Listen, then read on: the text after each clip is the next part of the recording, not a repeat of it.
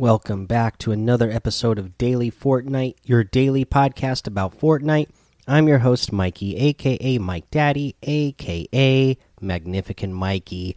All right, so a couple of things going on again with uh, the status of Fortnite that we'll just kind of update you on just in case you ran into any of these problems earlier today. They have been resolved, but let's go over them just in case. So, first up, uh, for mobile players, we're investigating a login issue that is affecting players who have installed the game from the Google Play Store.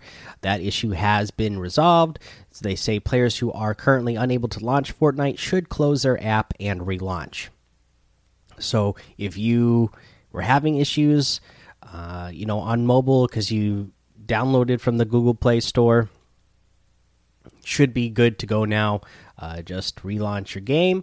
Uh, another issue that happened today, they said that we're aware of an issue causing players to be eliminated on certain creative maps that are at or near sea level. We're working on a fix for this now and will update you when it's resolved. And that issue has been resolved. So we're all good to go there. Uh, that's kind of uh, silly, whatever was happening there. If it, the, the map was at uh, sea level, that it would be you know, uh, eliminating players for some reason.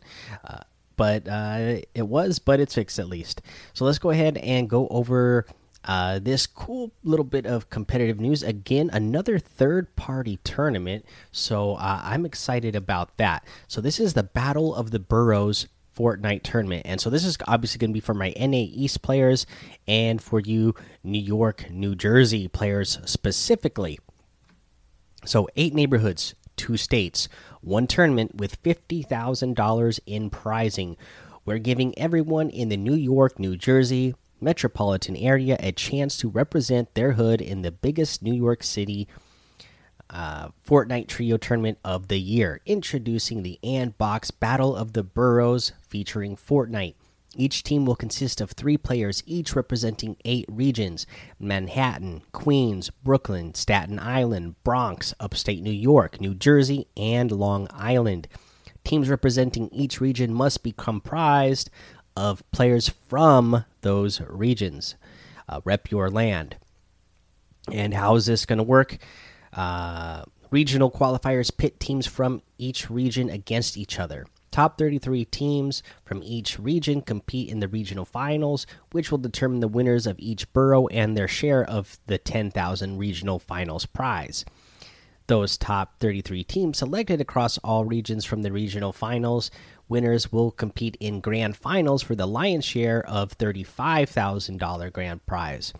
Visit the tournament page for more info.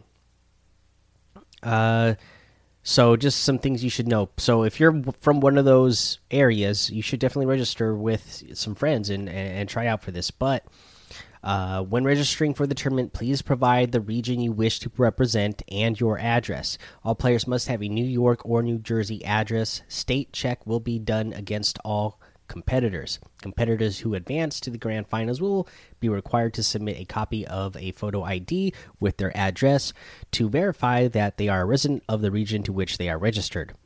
Uh, so, important dates the satellite qualifications is June 27th through July 10th. Last chance qualifiers, July 10th through the 11th. Regional finals is July 17th, and the Battle of the Boroughs Grand Finals is July 24th. So you got just a couple more days to register here if you are uh, you know, from either Brooklyn, Long Island, Manhattan, New Jersey, Staten Island, the Bronx, upstate New York, or Queens. Um, you have just a couple more days to register here because it's going to start in just uh, in three days from now.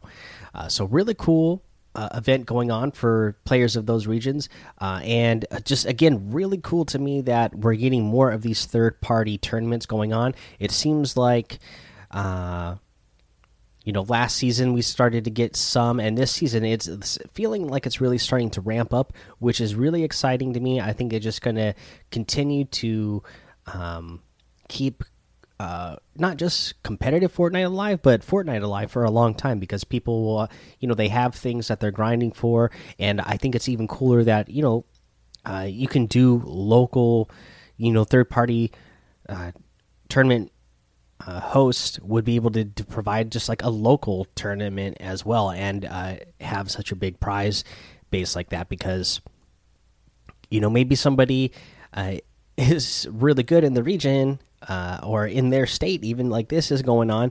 Uh, but you know, they're maybe they're not on the be the best on the world stage, but uh, pretty cool that you you still get a chance. You know, I always think back to how you know one of the big. Uh, one of the first big tournaments that Fortnite ever had was held here in Seattle, and Morgausse won that one, uh, that two hundred fifty thousand dollars, and that was just to like, hey, show up to this event and you know the people who get in line first and get get in uh, get a chance. So I think it's kind of cool that you can uh, do stuff like that. Uh, let's see here, guys. Uh, I don't believe any new challenges yet, right? Today's Wednesday; those are probably going to be coming out uh, on Thursdays usually, right? Yeah, yeah, no new challenges yet, so nothing new to talk about there. So let's go ahead and take a break here. All right, let's get to this item shop. There's a lot of items in the item shop today, so uh, yeah, let's get to it. First up, I'll remind you that that uh, yellow jacket pack is still in there in the item shop as well. You know, you can get that starter pack again. Always a great deal for you know an outfit, back bling, harvesting tool, and some V bucks. Uh, but for the rest, we have the Manic outfit for 800 V bucks. Gotta love that one. You got the Beef Boss outfit with the deep fried back bling for 1500, the Patty Whacker harvesting tool for 500, and the Flying Saucer glider for 1200. The Flapjacky outfit with the Nibbles backbling for 1500, the Growler outfit with the Wolf's backbling for 1500, the Jack Spammer harvesting tool for 500, and the Poofy Parasail glider for 800. We have the double cross outfit with the floral shell backbling for 1200. I love this one. Uh, we have the uh, tactics officer outfit for 800. Love this one as well. The reanimated emote for 800. The party hips emote for 200. They drop the Bass emote for 800. And we have a new wrap, the Sharky wrap for 300. And it's kind of like this gray, white uh, silver with uh, at the end of your item they look like shark gills. Uh, pretty cool wrap, actually, uh, pretty good. Uh, we also have the nightlife outfit for one thousand five hundred. Again, I think this outfit it's pretty cool for how much it, uh, you know, it the the the outfit animates. Uh, we have the Rio Grande outfit with the Grande Pack back bling for 1,200. We have the uh, Deadfire outfit with the Shackled Stone back bling uh, for 2,000 and the Dark Shard harvesting tool for 1,200. Uh, we got the Desperado outfit uh, for 1,200 the Rustler outfit with the leather lugger uh, back bling for 1,200, the Longhorn harvesting tool for 800, the uh, Frontier outfit with the detonator back bling for 1,200, the knee slapper emote for 500, and the spurred swinger harvesting tool for 500. Uh, that's everything in the special offer section. I'm assuming that these are all in here uh, as the special offer section because this is all kind of themed with the stuff that's coming along in the concert uh, tomorrow. Uh, but that's uh, the item shop today. Again, a pretty big item shop. You can get any and all of these items using code Mike Daddy M M M I K E D A D D Y in the item shop, and some of the proceeds will go to help support the show. All right, let's go ahead and do our tip of the day. And like I said, man, I love hunting rifles. Uh, I'm so glad they're back this season. I'm having so much fun. I'm not a great sniper. You know what? In fact, for some reason, I can't hit anything scoped. I just can't hit a scoped snipe shot at all. But hunting rifles, I'm pretty decent at hitting uh, hunting rifle shots at distance.